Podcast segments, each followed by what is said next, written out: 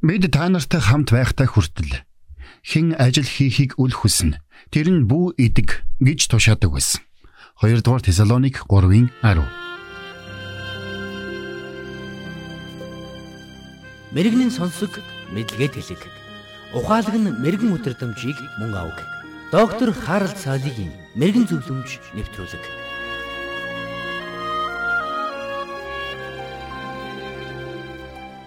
Цаг хугацаа өнгөрсөн ч хүмүүний хандлага өөрчлөгддөггүй бололтой.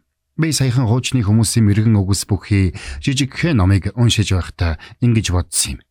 100 гаруй жилийн настай энэ жижигхэн номд 1850-аас 1900-аад оны үеийн дэлхийн шилдэг удирдагчид, соргон хүмүүжүүлэгчдийн мэрэгэн үгс, эргэцүүлэлгүүдийг бичсэн байна. Өөрөөр хэлбэл эдгээр үгс автомашин, радио, компьютер, гаруутас дэлхийн 1 2 дугаар дайн атомын 90 үеэс мөр өмнө бичигдсэн гэсэн үг. Би тэдгээр алдартай хүмүүсийн хэлсэн үгсийг уншиж байхдаа нэг сэдэв дахин дахин давтагдж байгааг анзаарсан юм. Юу гэвэл тэд ажил хөдөлмөрийг зөв сайн зүйл гэж үзээд зогсохгүй хүндэтгэлтэй сайшаалтай зүйл гэж үзэж байжээ. Тэди Рузвельт л гэхэд би хөдөлмөрлөдгүй хүнийг өрөвддөггүй. Хэрвээ тэр хүн үн цэнтэй хүн бол гарцаагүй хөдөлмөрлөх болно.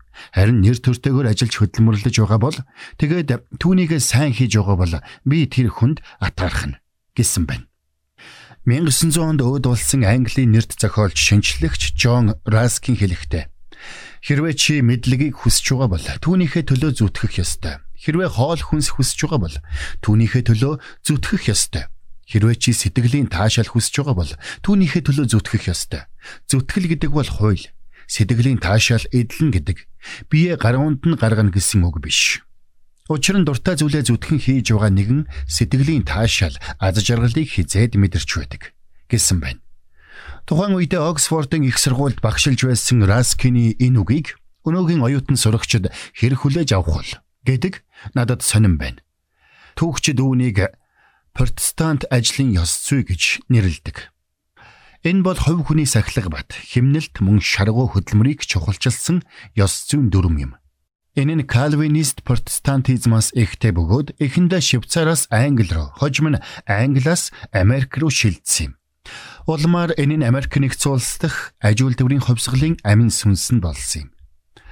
Хадам аави маань бүхий л амьдралынхаа туршид цуглуулсан үе олон ном дунд 1947 онд хэвлэгдсэн зөвлөлт социалист бүгд найрамдах улсын үндсэн хууль гэсэн ном бий. Уг хуулийн 12 дугаар бүлэгт зөвлөлт социалист бүгд найрамдах улсад ажил хөдөлмөрийг эрхэм үүрэг гэж үзэх бөгөөд хэн ажил хийхийг үл хүснэ. Тэр нь бүү идэг гэсэн зарчмын дагуу эрүүл сарвал биетэй иргэн бүр үүнийг ёсчлон биелүүлэх үүрэгтэй гэсэн байна. Тухайн үед энэ баримт бичгийг боловсруулж байсан коммунистууд Паулийн Тесалоник захидалдаа бичсэн үгээс иш татаж байгаагаа мэдж байсан болов. 2 дугаар Тесалоник 3-ын 10-д Илч Паул бид та нартай хамт байхтай хүртэл хэн ажил хийхийг үл хүснэ тэр нь бүү идэг гэж тушаадаг байсан гэсэн байдаг. Энд нэг зүйл маш тодорхой байна. Өнөөдөр бид ажил хөдөлмөрөөс улам бүр хойш сууж зогдох болжээ. Хөлсөө туслуулан хөдөлмөрлөхийг дорд үзэх болсон энэ нийгэм соёлд Бид нэгэн чухал үнэт зүйлийг алдаж байна. Энэ бол ажил хөдөлмөрийнхөө үр жимсийг харах бахархал, зорьсондоо хүрч байгаагаа мэдрэх мэдрэмж. Авч буй цалиндаа бүрэн дүйцэхүйц ажил хийсэн гэдэгтээ сэтгэл хангалуун байх тэр мэдрэмж юм. Цагдаагийн нууц ажилтан байсан Боб Вернон гудамжинд сууж байхдаа дэрэгдээ сууж буй нэгэн залууг харжээ. Харваас хар тамхи хэргэлдэг байрын тэр залуугаас Боб Чиний амьдрдаг газарт ганц юм хэд гэдэг вэ гэж асууж гин. Харин мөнөөх залуу түүнд мэдэхгүй би үүнийг хэрэглэхэ болсон. Би Христэд итгэгч болсон болохоор хар тамхи хайсан гэж хэлжээ. Тэгээд тэд хэсэг ярилцсны эцэст Вернон түүнээс чи хаана ажиллаж байна гэж асуужээ. Цаадах нь ажилгүй. Ажил хөдөлмөр гэдэг миний хийх зүйл биш гэж хэлж гин. Үүнийг сонссон цагдаагийн нууц ажилтан маань халааснаас шин гэрээ гаргаад төвөнд 2 дугаар Тесалоник 3-ын 10-ыг уншуулад хэрвээ бид ажиллахгүй бол идэх ирэхгүй шүү дээ гэж хэлжээ.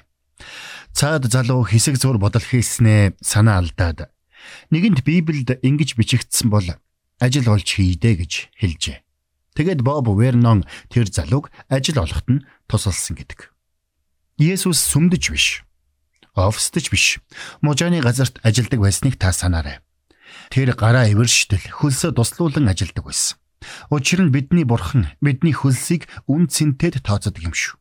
Тиймээс хамтдаа шаргуу ажил хөдөлмөрөөрөө амжилтад хүрч хөдөлмөрийнхөө үр шимийг хүртэн түүгээрээ бурхан эзнээ алдаршуулан амьдрцгаая.